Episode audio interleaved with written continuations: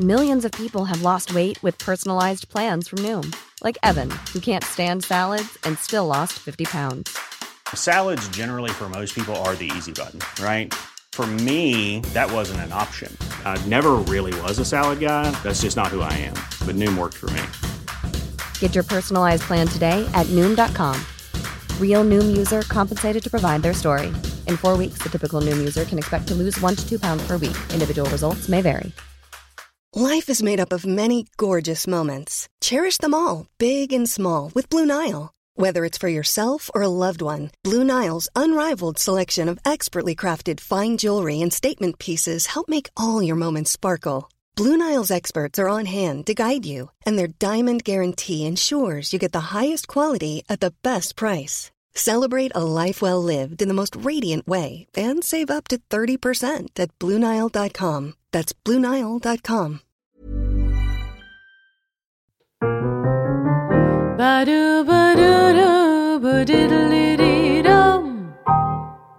Hej kära lyssnare, kollegor, älskare och vänner. Välkomna till Burlesque-podden.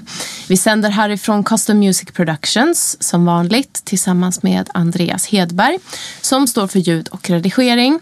Jag heter Aurora Brännström. Innan jag introducerar veckans gäst så tänkte jag eh, vända mig till er som lyssnar och eh, be er om lite respons på Burleskpodden. Det skulle vara jätteroligt att höra vad ni tänker, vad ni tycker om innehållet. Vi har ju olika kanaler på sociala medier. Vi har ju Burleskpodden på Facebook och på Instagram. Den finns också på vår hemsida jazzproduktion.se burleskpodden. Och man får jättegärna gå in och så kommentera under de poster vi lägger ut. Både liksom inför kommande program eller om jag gör något statement eller efter släppt program. Säga vad ni tycker och tänker. Högt och lågt. No hater, alltså ingen, inget hat. Det kommer jag ta bort på en gång. Men alla synpunkter, om ni vill starta debatt för det skulle jag jättegärna vilja göra. De ämnen som jag tar upp, så gör det. Eller hör av er till mig. Det går ju att bara klicka på så här, skicka meddelande på Facebook eller på Instagram. Så tack för det. Also, I want to say thank you to all our listeners from all around the world that has found us lately. I am super, super happy for that. I just want to say welcome, and we will broadcast episodes in English more, but uh, at the moment we have two episodes out in English. Uh, check them out. Prata om Burlesque-podden, dela Burlesque-podden, tipsa era vänner. Nu ska jag presentera min gäst här idag. Och det är ingen mindre än Mårten som är ordförande för Decadans Stockholm. Och jag är så glad att du är här. Varmt välkommen. Tack så mycket. Väldigt skoj att vara här. Ja. ja. Har du gjort någonting sånt här förut? Eh, gjorde lite amatörradio på högstadiet. Ja, okej. Okay. Men det är mm. många, många år sedan. Ja, vad härligt ändå. För du är ju inte artist själv. Nej, inte främst. Nej, inte främst. Jag har ju bjudit in dig för att jag vill veta lite mer om den scenen som du liksom, ja, sprider och driver här i Stockholm framförallt. Kanske är någon annanstans också men... I Stockholm just nu. Och det är mm. inte bara jag som gör det, vi är väldigt många som mm. jobbar inom dekadans och inom andra föreningar. Just det. Så skulle du vilja berätta lite grann för lyssnarna vad exakt det är du gör och vad, typ vad dekadans är för någonting också? Ja, eh, dekadans är en, främst en fetischförening, en queer kulturförening som jobbar med unga vuxna mellan 18 och 99 tror jag vi har skrivit på hemsidan. Mm. Unga i sinnet.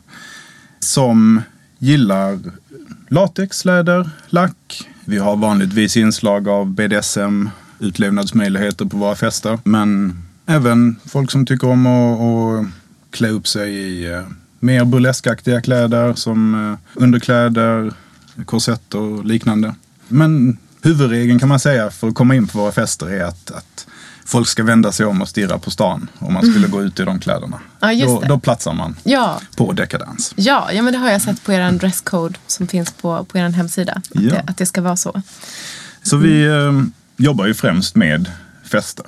Mm. Eh, så vi anordnar fester med med oss såklart fetish dresscode och vanligtvis mycket fokus också på, på elektronisk musik. Just det. Ja. ja, men det är spännande. Hur kommer sig den kopplingen? Elektronisk musik och den här typen av fester?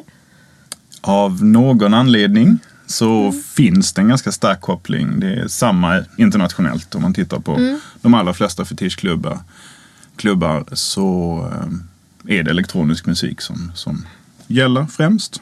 Decadence i sig kommer ju mycket från technoscenen i Stockholm.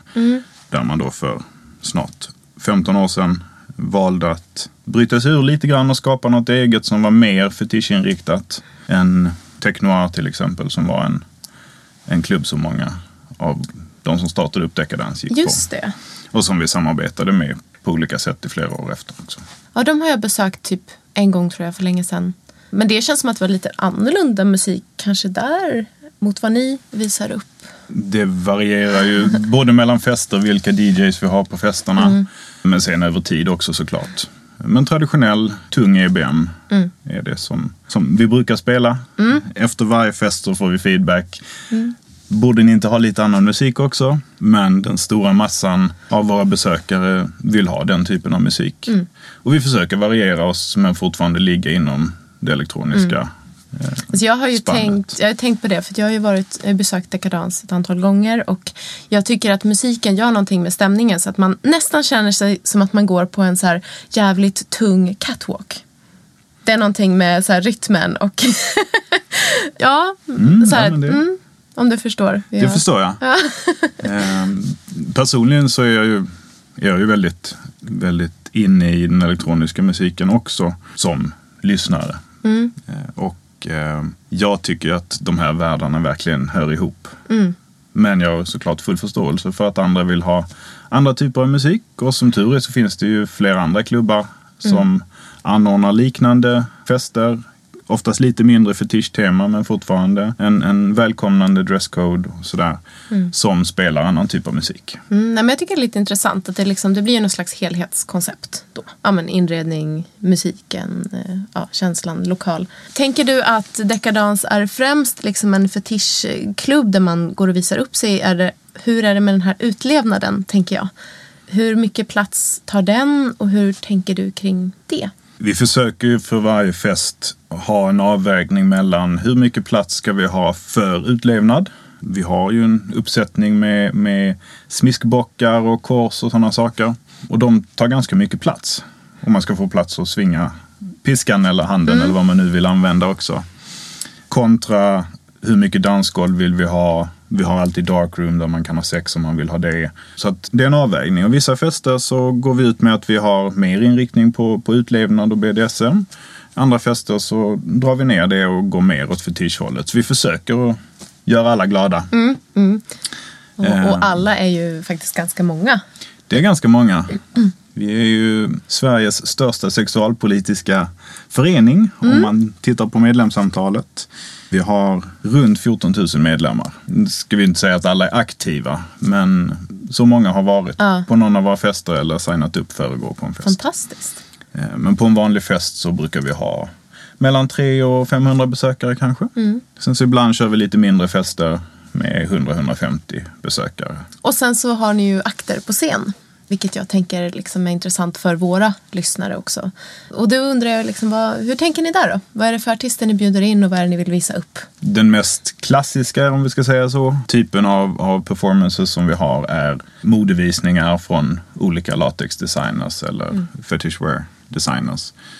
Eh, Så det brukar vara en återkommande sak, speciellt på till exempel Stockholm Fetish Weekend som vi har nu 27 maj. Så Ja, den kommer jag det. prata lite mer om sen hoppas Ja. jag. Men då har vi oftast ganska mycket fokus på just fetischkläder. Men annars så har vi alla möjliga performances. Vi har haft eh, eldshower på scen. Vi har haft artister som gör musik på, genom att köra med vinkelslip på eh, olika metallföremål. Mest gnistor, inte så mycket musik kanske. Men väldigt spännande att se. Cirkusartister som gör någon lite mer kinky twist på sina performances. Så att det varierar väldigt mycket. Eh, lite rep-uppträdanden ibland. Vi har haft lite så här ceremonier. Jag vet inte om du var på vår senaste fest, Macabre? Eh, nej, det var jag faktiskt inte. Ah. Tyvärr, I'm sorry. jag var- ville, men ja. Det var ju en väldigt, väldigt lyckad fest ska jag börja med att säga. Ja. Och jättemycket arbete från väldigt många inblandade. Men den hade ju som tema då skräck och makabert. Så där hade vi en, en, ett uppträdande med eh, två personer som gjorde en liten ritual. Där de tände lite ljus och sådana saker. Och sen kräktes på varandra. All right. Med en röd vätska då som var Ja. ganska blodinspirerad. Ja. Mm. och så, här. så att det är liksom den ena, ena sidan och sen Mm. mer burlesk framträdanden på den andra. Eh, vi har haft nålsättning på scen, Mm. liksom bloodplay, lekar. Så att det, det varierar väldigt mycket. Vi försöker boka så, så olika akter vi kan. Och Mm. vi försöker boka lokala, eh, lokala förmågor så mycket Mm. i så stor utsträckning det går. Dels för att vi tycker det är väldigt skoj att promota den lokala scenen. Mm. Sen är det ju såklart ganska dyrt att flyga hit artister utifrån. Ja, det är klart. Eh, Vi jobbar ju på en begränsad budget för att hålla Mm. kostnaderna för fester och sådär nere. Ja, jag vet inte vad ni har för budget, men det känns ju som att ni ändå så lyckas ganska bra utifrån Ja, tack. förutsättningar. Vad tycker du personligen om då, att se på scen? Jag tycker om saker som är spektakulära. Mm. Så ehm, antingen saker som man nästan blir lite äcklad av. Okej. Du gillade den där blodkräks... Ja, det tyckte Grejer. jag var väldigt, väldigt fint. Ehm, kanske inte som en sexuell fetisch utan mer som en performancekonst snarare. Ehm, roligt att se på scen och väcka uppmärksamhet. Och som arrangör så kanske jag tittar mindre på vad jag tycker om att se på scen och mer på vad kan skapa intresse. Till exempel att lyckas plocka in artister som, som vi sen kan jobba med i vår promotion inför fester. Så att vi kan göra små teasers och sådär. Det är väldigt uppskattat av oss och det är uppskattat av våra besökare som får hjälp att bygga upp stämningen inför, inför en fest. Jag, jag skulle vilja flytta lite fokus på dig, om jag får.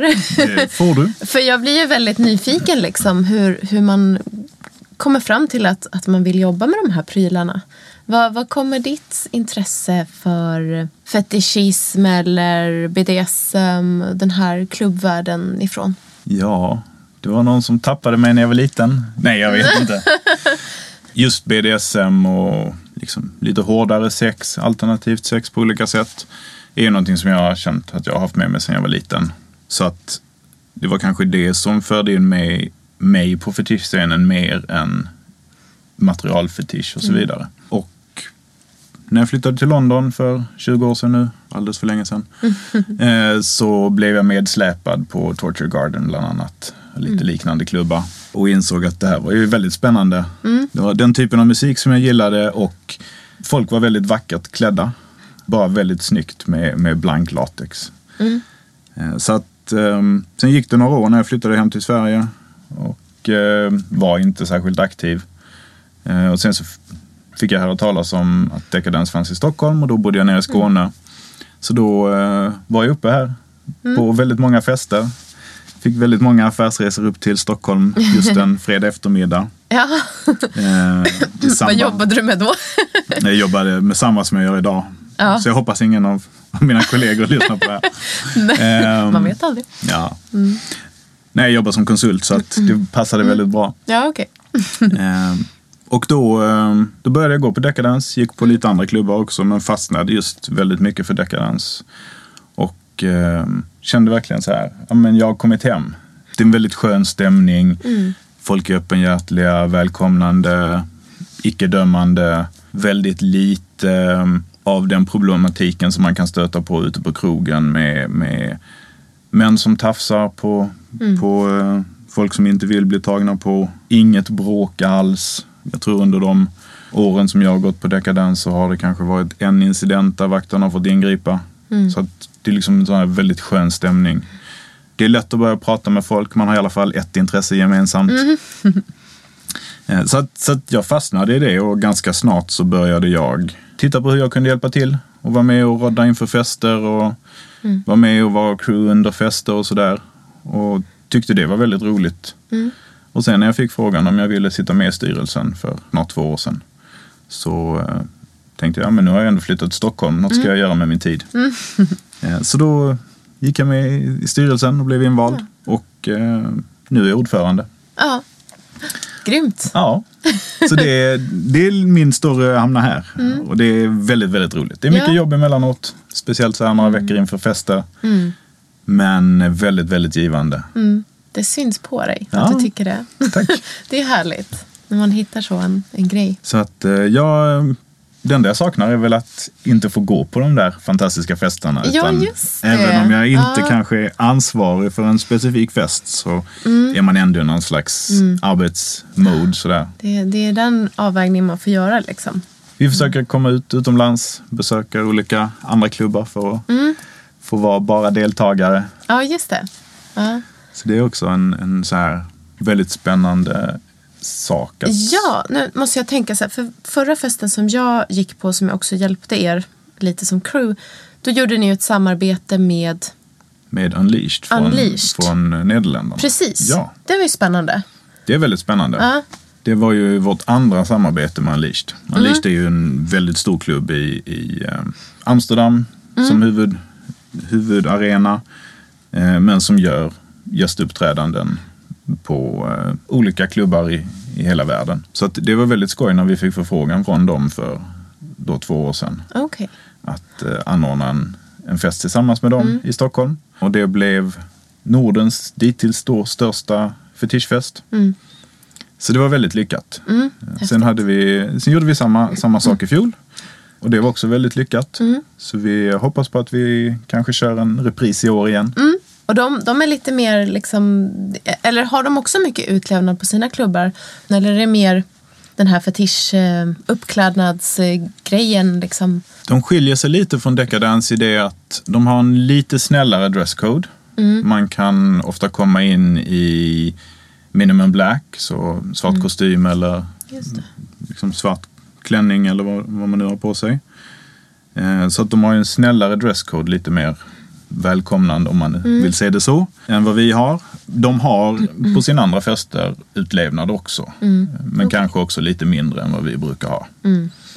Så att eh, vi är egentligen ganska lika. Mm.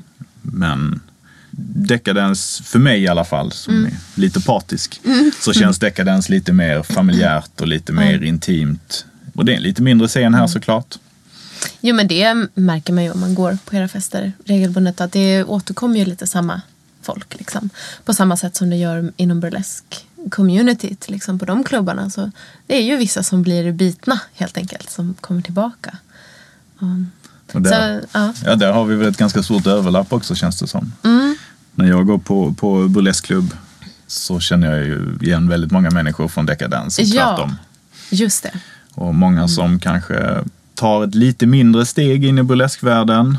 Eh, som liksom en första trevande i någon en subkultur som är lite annorlunda. Som sen också vågar sig till våra fester. Så jag Ja.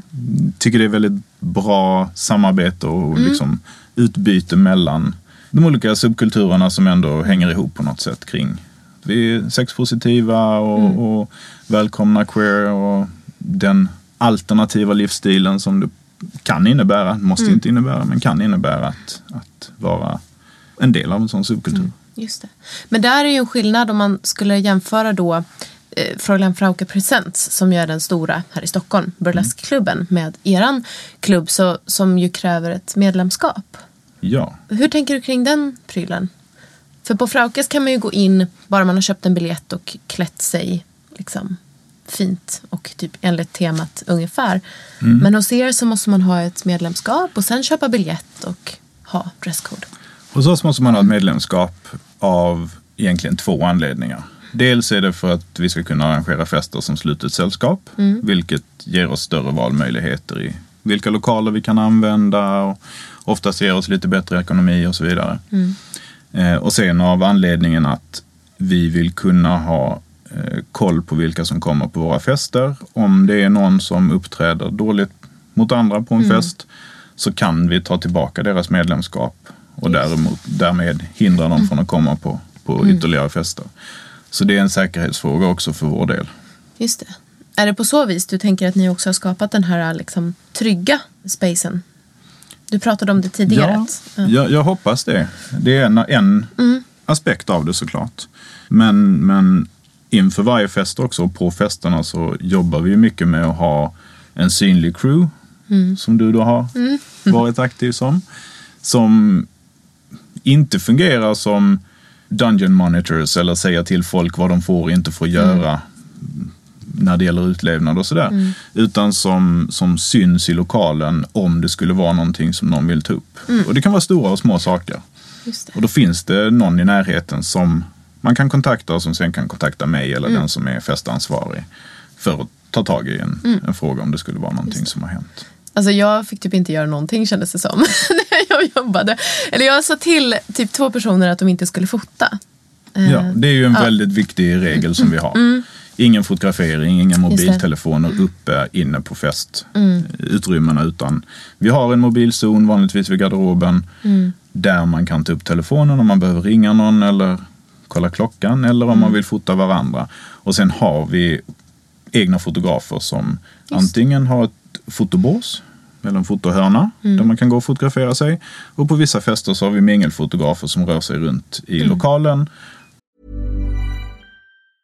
As a person with a very deep voice, I'm hired all the time for advertising campaigns. But a deep voice doesn't sell B2B, and advertising on the wrong platform doesn't sell B2B either. That's why, if you're a B2B marketer, you should use LinkedIn ads. LinkedIn has the targeting capabilities to help you reach the world's largest professional audience. That's right, over 70 million decision makers all in one place. All the big wigs, then medium wigs, also small wigs who are on the path to becoming big wigs. Okay, that's enough about wigs. LinkedIn ads allows you to focus on getting your B2B message to the right people. So, does that mean you should use ads on LinkedIn instead of hiring me, the man with the deepest voice in the world? Yes. Yes, it does. Get started today and see why LinkedIn is the place to be to be. We'll even give you a $100 credit on your next campaign. Go to linkedin.com slash results to claim your credit. That's linkedin.com slash results. Terms and conditions apply. Millions of people have lost weight with personalized plans from Noom, like Evan, who can't stand salads and still lost 50 pounds. Salads, generally, for most people, are the easy button, right? For me, that wasn't an option. I never really was a salad guy. That's just not who I am. But Noom worked for me. Get your personalized plan today at Noom.com. Real Noom user compensated to provide their story. In four weeks, the typical Noom user can expect to lose one to two pounds per week. Individual results may vary. Hey, I'm Ryan Reynolds. At Mint Mobile, we like to do the opposite of what Big Wireless does. They charge you a lot, we charge you a little. So naturally, when they announced they'd be raising their prices due to inflation, we decided to deflate our prices due to not hating you. That's right. We're cutting the price of Mint Unlimited from $30 a month to just $15 a month. Give it a try at mintmobile.com slash switch. $45 upfront for three months plus taxes and fees. Promo rate for new customers for limited time. Unlimited more than 40 gigabytes per month. Slows. Full terms at mintmobile.com. och väldigt noga kontrollera med dem som man fotograferar om de vill vara med på bild. Eh, Och bilderna publiceras ju bara internt på vår hemsida för de som har varit på fester. Så Mm. De sprids inte vidare. Nej. Så det är också en sån säkerhetsaspekt vi har. För det finns Mm. de som absolut inte vill att det ska komma ut, att de Mm. går på den här typen av fester. Och det är såklart väldigt viktigt för oss att respektera. Mm. Så till en sån här fråga som man kan liksom hålla på med ett tag. Vad, vad tror du, liksom, vad är samhällets problem? Eller så här, varför skulle det vara svårt att så här, gå ut med att man har varit på den här typen av fest? Vad är det som krockar med resten av samhället? Jättebra fråga. Jag är ju själv relativt öppen. Eh, Om, om någon frågar så svarar jag. Och jag tycker det är bättre att utbilda än, än att försöka gömma saker. Eh, Men samtidigt så ställer jag mig inte upp på, på kontoret och skriker ut att i helgen så var jag på den här festen och gjorde den, det här med de här personerna och så vidare. Precis som jag inte förväntar mig och hoppas att mina kollegor inte berättar vad de gjorde med sin partner hemma i helgen. I alla fall inte vad de gjorde i sängkammaren. Så att jag tror att problemet är att det blir en, det blir en, en, ehm, en sak till som man kan använda för att trycka ner andra om man nu vill göra det. Om man är, om man är gay eller om man är fetischist eller om man sysslar med BDSM eller vad det nu skulle kunna vara. Så finns det människor som vill utnyttja det för egen vinning eller bara för att hävda sig själva. Eh, Det tror jag är en stor aspekt som tyvärr finns i samhället hela tiden. Och är nog det som, som många är rädda för. För att det handlar om sexualitet liksom. Eller? Ja, det är fortfarande något väldigt skämmigt i vårt samhälle. Vi kan liksom gärna ha, ha sex på tv, vi kan ha reklam med fetischist, olika ja, men latex eller rep eller musikvideos med liknande saker och sådär. Men så fort det handlar om en privatperson så ska man inte prata om saker. Nej. Eh, Så jag tror att, att många har en korrekt rädsla av att om vissa saker skulle komma ut så skulle det kunna påverka deras karriär, deras umgänge, deras familjerelationer och så vidare. Tyvärr, vilket Ja. är väldigt tråkigt. Kan du hålla med mig om att det i samhället råder någon slags så här pornofierad puritanism? alltså att man så förstärker sexuella uttryck, pornografiska inom situationstecken uttryck som mer provokativa genom att hela tiden vända sig tillbaka till så traditionella normer som kanske kommer ifrån inte, USA. Förstår du vad jag menar? Mm, kanske lite. Alltså, ja. jag, jag tänker att, att ehm, vi har ju ett samhälle som, som visar mycket sex, som du säger. Men det visas på ett visst sätt. Det visas utifrån att man tänker sig att det som egentligen är fint är så här, gamla värderingar, monogami, sex inom lyckta dörrar, inte så avklätt. Alltså det finns ju många såna här saker vi kan bygga på här. Och att det sex som då syns i samhället ganska snart blir sexism utifrån det synsättet. Därför att man provocerar, alltså samhället provocerar sex mot den här puritanistiska, gammaldagsa... Ja, jag förstår vad du bilden. menar. Ja. Det kan absolut vara så. Det blir ju såklart mer sensationellt om någonting avviker mycket från en norm. Men exakt, och då Genom- förstärker man normen, tänker jag. exakt. Jag kan hålla med dig. Eh, Ja. Jag tror också att även inom vår subkultur finns de som gärna vill ha den här distanseringen och som tycker det är Mm. tråkigt med den utvecklingen som vi faktiskt har sett senaste 5-10 åren med 50 shades of Grey, Just. vad man nu än tycker Ja. om det. Ja. Eh, där speciellt BDSM har blivit mer accepterat Mm. i samhället och det är betydligt mindre risk att någon tittar snett på en om man skulle gå och köpa en piska i en sexleksaksaffär eller en sexbutik. Mm. Så att på något sätt så har det blivit mycket mer accepterat. Jag tror att det finns de inom subkulturen Mm. som känner att oj vad vi har blivit mainstream nu, nu är det inte alls lika Mm. Nej. roligt utan vi vill vara den här farliga, lite Mm. outsider-kulturen. Så att det behöver inte bara vara från majoritetssamhällets sida utan jag tror även att det finns ett från vår och andra subkulturer att man vill vara en subkultur. Just det. Gud vad spännande. Det tror jag absolut att, att du har rätt i. Och det pratade jag med Lady Francesca här för några veckor sedan om. Även burlesken har ju blivit på ett sätt lite mer mainstream. Fast jag skulle kanske inte säga det, men, men mer än, än för några år sedan. Och att det också påverkar typ nu mera burleskartisters typ eh, kroppsideal. Alltså sådana saker som burlesken ville jobba emot mycket. Som många fortfarande vill jobba emot. Men som, som det är svårare liksom att avgränsa idag. För att det, det liksom sipprar in saker från samhället och så anammar man. Det är så här, gränserna suddas lite ut. Det kanske så du... Jag förstår, Ja. jag förstår vad du menar, eller jag håller med. Och jag tycker att man kan se det också i, inom fetischvärlden. Att vi vill ha en icke-normativ värld där alla kroppar är välkomna, alla uttryck är välkomna. Men om vi tittar på mode, alltså modellvärlden inom latex eh, och lack så är det oftast väldigt perfekta, vad ska man säga, Enligt normen. enligt snygga. normen snygga kroppar som, som figurerar där. Mm. Och det är liksom den mer kommersiella sidan. Mm. Och jag tror att det är en del av någon slags normalisering Mm. också. Ja men visst. Och det är det jag menar liksom, inom burleskscenen. Så, så jag tror att många burleskartister vill vara förebilder. Och vill liksom visa upp sin sexualitet, sina kroppar, sina uttryck. Men att eftersom man inte är i ett vakuum så påverkas man av ideal och bla bla bla. Vilket påverkar kanske besökarna också. Som ser att, jaha, nu har det här sipprat in här också.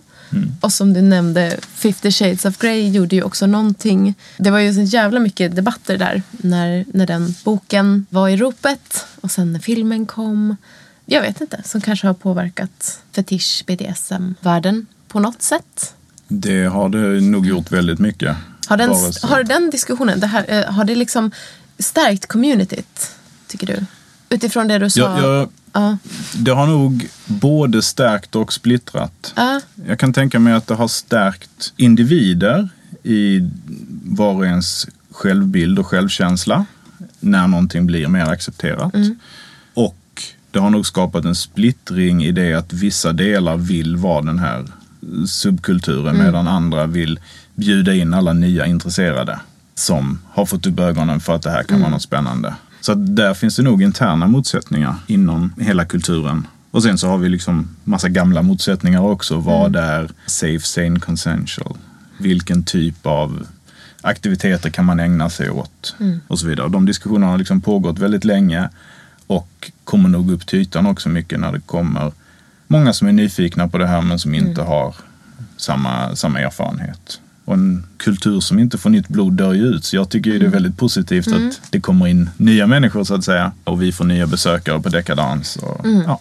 Men Ja. jag, jag vet att det finns element som tycker det är väldigt negativt också. Ja, men jag förstår det. Och, och jag tänker att eh, som, men så här, folk som utövar också BDSM eller är fetischister på något sätt har ju så olika ingång till det och, och liksom vill ju hantera det på så olika sätt. Eh, och jag tänker att det också kan gå i olika faser. Liksom, ifall man vill hålla det för sig själv som en liten mörk hemlighet och så lever man ut någonstans i en safe place. Liksom.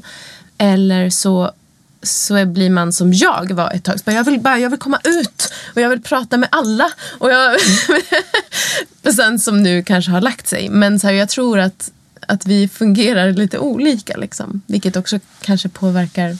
Ja. Så är det absolut. Det är, ju, det är ju en samling av individer som alla är egna individer med olika mål i livet, olika intressen och så vidare. Jag har gjort precis samma grej som du. Här, vissa, vissa sit- situationer och så vidare. Bara, ja, men det här måste vi visa upp för världen. Och sen visar det sig att världen kanske inte är så jäkla intresserad i slutändan. Det är ju supertråkigt. Det är, liksom, det är ingen som egentligen bryr sig om jag band fast någon i helgen. Nej. Det är bara, ja, men skoj för dig. Och sen kan vi gå vidare. Ja. Eh, Så att jag tror också att det finns en spänning i att det inte är så öppet. Som man kanske tappar lite om, om, man, om allting blir väldigt mainstream. Och det, vi försöker jobba på det när vi, när vi arrangerar fester. Så försöker vi tänka liksom lite på det också. Att inte ha det allt för glossy och snyggt liksom, och perfekt så här. Utan utan ha en liten, eller en större touch av lite mer dirty, gritty liksom så här. Även om vi hade kunnat trycka upp saker i, i liksom high gloss affischer och så vidare. Ja. Och perfekta foton och, så, och sådana saker. Så är det kanske inte det som, som vi är och inte Nej. det som vi vill vara. Ja. Utan, Vad spännande, för det har jag faktiskt funderat över. Så varför gör de på det här sättet? Om man jämför med eh, Fraukes klubbar eller eh, ja, men många burleskklubbar. Stockholm Dolls nu är liksom att det är ganska retuscherat glossy liksom just i det man väljer att proma för sina klubbar till exempel. Och att era eh, event och så här, affischer ser lite mer så här svartklubb ut. Förlåt. nej, ingen fara. Jag gillar svartklubb. ja. Det, är ingen, det är inget illa ment. Men Men, men det finns absolut en tanke Mm. bakom. Eller så är det bara att vi är så dåliga designers att det inte blir bättre. Nej, men vadå? Det är väl också en stil som du sa precis alldeles nyss. Att Ja. Om man vill liksom appellera på en annan, ett annat klientel eller på några andra känslor så då, då kanske man inte gör så här. Det blir kanske fel för ert koncept. Att, Mm, jag, jag, jag det. tror det, det finns en sån aspekt. Och sen så varierar vi oss väldigt mycket mellan olika fester beroende på vilket tema det är. Mm. Ja. Mm. Nu när vi hade Decadence Macabre som ju var väldigt mycket så blod och smuts och dödade dockor. Och, allt Ja. vad vi nu hade. Alltså min, eh, både min Facebook och min Instagram var ju så här, det bombades ju från er. Massa creepy. Och ändå lyckades vi inte få dit dig. Nej men, ja. Du missade den största händelsen på Ja, men år. tyst. Men- Nej men så, så Macabre hade vi ju väldigt Mm. mycket mörkare kommunikation. Än Mm. våra bitchfester till exempel som är sommarfest. Mm. Som oftast är en lite mindre fest. Den är ju mer glossy, lite mer så amerikansk eh, beachkänsla. Just det. Eh, Beach vatten, party, krom. beach party. Ja. Eh, Så att det varierar ju väldigt mycket utifrån Mm. vilken fest det är också. Ja, och nu ska ni ha den här fetish weekend. Stockholm Fetish Weekend. Ja. Mm. Ja, eh, Vill du berätta lite grann om det? ja det har vi, vi har kört antal år nu. Mm. Något år har vi haft uppehåll. Men, men eh, i korthet så eh, samarbetar vi med ett antal andra föreningar och klubbar. I både Stockholm och internationellt. Eller utanför Stockholm. Mm. Och arrar ett antal fester under en lång helg. Så nu är det då den 26, 25-26 till den 27-28 maj. Just det, så det är massor av, av event. Så det som- kommer vara många saker. Eh, Det är en stor fest på fredagen som Absint anordnar. eh, Som ligger lite mitt mellan kanske en BDSM-fest och en fetischfest eller dekadans. Den är en mycket bra fest som jag rekommenderar alla att gå på. Men där man kan, man kan komma i, i latex och så vidare. Eller så kan man komma i lite mer vanliga kläder. Så den, den är satt på fredagen. Det kommer troligtvis ligga fest både på onsdagen och torsdagen också på kvällarna. Torsdagen är ju en helgdag och sen fredagen är en klämdag och så lördag och söndag. Och sen kommer Decadence ha en mässa, eller Stockholm Fetish Weekend Just kommer ha en fetischmässa på eh, lördagen.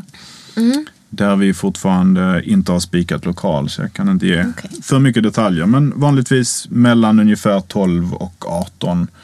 Där vi har både privatpersoner och företag som ställer ut och säljer sina eh, varor. Eh, vi har andra föreningar som är inne och visar upp vad de sysslar med. Peer Up Stockholm till exempel har varit med tidigare och visat upp eh, shibari och japansk repkonst och sådär. Sexualpolitiska föreningar, FSL, FSU eh, har varit med. Eh, Så att det är liksom en happening på dagen där man både kan få en upplevelse och lära sig nya saker i form av att man går på seminarier eller föreläsningar och så vidare. Och kan hitta en outfit till kvällen sen. För på kvällen så har vi vår stora fetischfest som traditionellt innehåller mer performances och är mer fetischinriktad än kanske BDSM-inriktad. Vilket ju många av de andra klubbarna tillgodoser behovet av under den helgen. Tanken är att det, det blir en, en happening flera dagar i rad. Både för stockholmare och för de som faktiskt reser hit. Och man kan komma till Stockholm, gå på flera fester, gå på mässan, gå på föreläsningar eh, och få liksom en lång weekend av Ja. fetischism och BDSM. Gud vad härligt. Och vad sa du, det var slutet på maj där? Det är sista helgen i maj. ja. Just det. Jag tror det är Kristi himmelfärdshelgen. Mm, det kan det nog vara. Borde det vara. Det är Ja. därför man är ledig på torsdagen. Just det. Ja men fan vad kul. Så det kommer bli en, en stor grej hoppas jag. Ja, det ska jag försöka gå på. Mm. Och då kommer, vi ha, då kommer vi också ha mer traditionella uppträdanden. Mhm. Om man säger så. För de som då var på Macabre så Mm. Gick vi från konceptet att ha stora scenframträdanden och hade Okej. mer olika happenings ute i olika rum. Mhm. Som vi hade med olika teman så här. Eh, Men Stockholm Fetish Weekend är tanken att vi ska stå slå på stora trumman Mm. lite mer vad gäller feta scenframträdanden. Ja, Så att, vad eh, roligt. det ska bli spännande. Vi har lite artister på gång. Mm. Men det kommer väl släppas löpande här fram till, fram till eh, den 27 maj. Exakt vilka artister som kommer komma. Eh, Och eh, som vanligt en jädrans massa vackra människor i vackra fetischmaterial. Mm, det blir mig lite nyfiken. Vilka är det som kommer? ja, nej men vad roligt. Och, och liksom att det finns så mycket att göra tänker jag. Att det inte bara är så här att gå och klubba heller. Utan att ni gör det som ja, men den här mässan till exempel. Och Föreläsningar sa du också. Föreläsningar eh, har vi under mässan i ett separat rum. Eh, som inom olika BDSM-aktiviteter, inom tillverka din egen latexutstyrsel eller accessoarer. Så det är inom ämnen som berör oss så att säga. Men kan vara ganska varierande inom det. Ja men gud vad spännande. Vad är det annars liksom för, för happenings ni planerar för nu då? Förutom det. Förutom det så har vi vår strandfest, Beach då, som jag pratade om tidigare. Just det. Som kommer vara första eller 8 juli. Troligtvis den första. Okej. Men det beror lite på lokal tillgång också. Så den är en skön litet inspel mitt i sommaren. eh, Som oftast är lite mindre, lite mer avslappnat. Ja, men liksom strandhäng. Jag hade ju allra helst velat hitta så här en beachvolley inomhushall eller något. Där det faktiskt fanns st- sandstränder Ja med beachstolar För ni är inte ute vid en strand. Nej, vi är Nej. inne, inomhus. Ja. Vi har varit på eh, H62 Mm. på Söder. Oj, Ett par och så år. skapar ni illusionen av... Skapar vi illusionen av en strand. Ja, ja. Mm. Ja. Det kräver lite arbete. Men Ja, jag förstår det. Ja, det brukar Ja, vara lyckat. Eh, Så den är, den är då i början på juli. Efter det så har vi ju Stockholm Pride första veckan i augusti. Och där avslutar vi traditionsenligt med en stor fest, Perv Pride, Mm. på lördagen efter eh, Stockholm Pride. Men innan dess så kommer vi vara väldigt aktiva i eh, Prideparken i. Mm. Det. Som vi kör för tredje året i rad nu. Ja. Eh, Kinkykvarteret är ju en safe space för de Mm. som är nyfikna på BDSM, fetischism, eh, shibari, olika typer av, av aktiviteter inom det spektrat. Mm. Som ligger i Pride Park men har 18-årsgräns. Där man kan få prova på och få smisk eller bli bunden eller eh, latexbrottning eller silikonbrottning i latex. Den typen av aktiviteter. Titta på modevisningar, titta på performances. Och där kommer jag ju uppträda då apropå artisteri. Ah, Som jag har gjort tidigare. Wow, vad spännande. Med, eh, med eh, rep. Ja, ja. Så att eh, det kommer vara lite sådana saker, eller mycket sådana saker Mm. under, under veckan och sen avslutar vi med en jättefest. Och det brukar vara Mm. en av de största festerna under året. ja. Åh, kan vi inte prata lite om det här med dina rep? Snälla. Vi kan prata rep om du vill. Då blir mina styrelsekollegor, eh, det, det där är inte, det där är inte fetischism. N- Nej, det är det väl kanske inte, men det är väl ändå liksom en typ av BDSM? Det är det absolut. Ja, Ja. och då är det väl absolut legit för... Ja, det Ja. är det. Vi tillåter väldigt mycket rep på våra, våra fester också. Ja, men precis. Men berätta, vad... Jag vet inte riktigt vad jag ska ställa för frågor, men bara berätta om din Berätta om repkonst. Mm. Ja, shibari eller eh, kimbaku, japansk bondage. Som kan sträcka sig egentligen från rent sexuell lek hemma i, i sängkammaren, binda fast varandra och, och ha sex eller inte ha sex, till performancekonst. Och egentligen, eh, jag ska inte säga avsexualiserat för det är fortfarande liksom sensuellt eller sexuellt aggressivt. Men kan vara väldigt många olika uttryckssätt tycker det på något sätt är som, som eh, dans eller sång. Att det är egentligen en ganska liten redskapslåda man har. Men man kan uttrycka så otroligt många olika känslor och olika, olika stilar, olika humör och sådär med, med rep. Så att eh, Jag har ju det är sett, ett av mina eh, intressen. Ja, jag har ju sett en del bilder på, på repsessioner kan man Mm. väl säga, som du har gjort. Som ser väldigt avancerade ut. Det måste ju ta ganska lång tid. det blir som Det- skulpturer, tycker jag. Det blir som skulpturer eller som, ja, som konstinstallationer. Det kan ta lång tid, det kan gå väldigt snabbt. Det beror också väldigt, väldigt mycket på intentionen. Det är ganska stor skillnad på att knyta för en fotografering när det kanske är vissa mönster eller vissa poser som är det centrala. Eller knyta för en, en, ett live performance där det handlar mycket mer om att både connecta med publiken och med den man, man jobbar med eller den man knyter på. Eller knyta privat när det ju bara handlar om de intima känslorna med den eller de personerna som man samspelar med. Eh, Så att det kan gå väldigt, väldigt långsamt att göra väldigt enkla saker och det kan gå ganska snabbt att göra avancerade saker. Det kanske beror på vem du knyter också. Om den personen är van. För det är ju svårt att bli knuten också ibland. Det är absolut svårt. Det är återigen precis som i dans. Även om det är en som för så är det mycket, mycket svårare om inte omöjligt att föra någon som inte vet hur de ska bli förda och inte kan dansen i sig. Så att absolut så gäller det att anpassa nivån av hur jag knyter Mm. med både hur erfaren mottagaren är, Mm. men även utifrån dagsform, sinnesstämning. Så att därför det, Mm. tycker jag det är väldigt viktigt att checka av de sakerna innan man börjar. Även om, om det är med någon som jag knyter regelbundet med så vill jag ju veta att det inte är någonting som är fel just den dagen. Mm. Och om det är någonting, det kan vara, jag slog i tån så Ja. knyt inte ett snöre i den till, ja men jag känner mig ganska skör idag så att vi behöver ta det väldigt lugnt. Men det är sånt som jag tänker att man lär sig med erfarenhet också, att kunna anpassa. För egentligen så är det, det är ju rep och, och linda rep runt kroppar och lite, Ja. lite knutar liksom. Så det är en ganska liten verktygslåda egentligen. Jo visst, men det krävs ju liksom, ja, men som du sa, den här connection, att man har någon slags förtroende för varandra, att man vågar slappna av kanske som person som knyts upp. Man inte så här, tänker på den jävla tån då som gjorde ont så att man spänner hela benet. Eller så här, Och där finns det ju, om jag nu, om jag nu ska promota japanska rep-scenen också, så Mm. Ja. finns det ju såklart workshops och kurser och sådär för den som knyter. Både tekniska och mer hur man ska jobba med känslor och allt vad det nu kan vara. Men det som jag tycker är väldigt skoj att se är att det har kommit mycket mer både integrerade kurser där man tittar både på den som knyter och på den som blir knuten. Och även kurser och workshops för bara för den som tycker om att- bli knuten på. Hur man själv rent fysiskt kan jobba i repen för att klara av vissa saker eller orka längre eller vad det nu kan vara till hur man ska tänka för att hamna i rätt sinnesstämning. Hur man kan jobba tillsammans och så vidare. Alltså ditt ansikte är så roligt. Förlåt. Det, för du, Tack. ja, men man ser verkligen så här när det är någonting som du brinner för så, bara, så lyser ögonen upp. Me like. Ja.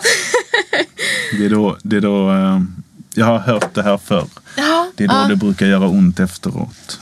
Har jag fått höra, så eh, akta dig. Oh, okej.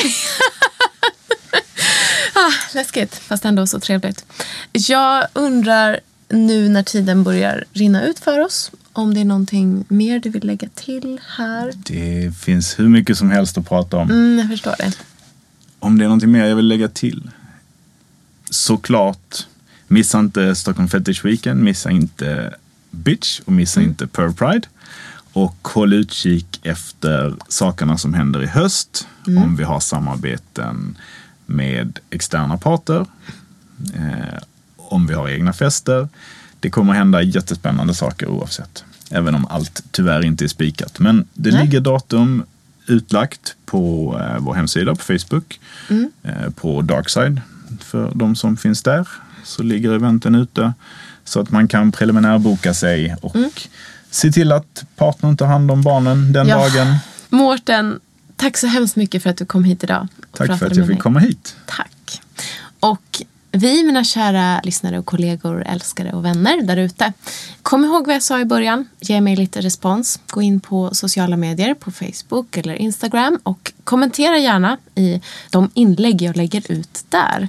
Inget hat, tack så mycket. Bara kärlek eller konstruktiva kommentarer. Så kärlek till er och så hörs vi igen om en vecka. Selling a little or a lot?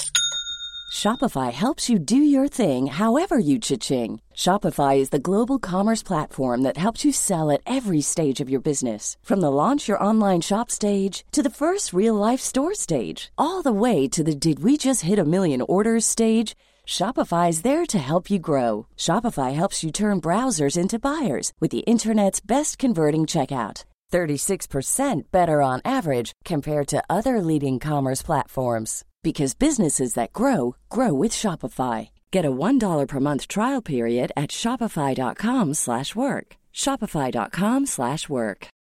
Botox Cosmetic, out of botulinum toxin A, FDA approved for over 20 years. So, talk to your specialist to see if Botox Cosmetic is right for you. For full prescribing information, including boxed warning, visit BotoxCosmetic.com or call 877-351-0300. Remember to ask for Botox Cosmetic by name. To see for yourself and learn more, visit BotoxCosmetic.com. That's BotoxCosmetic.com.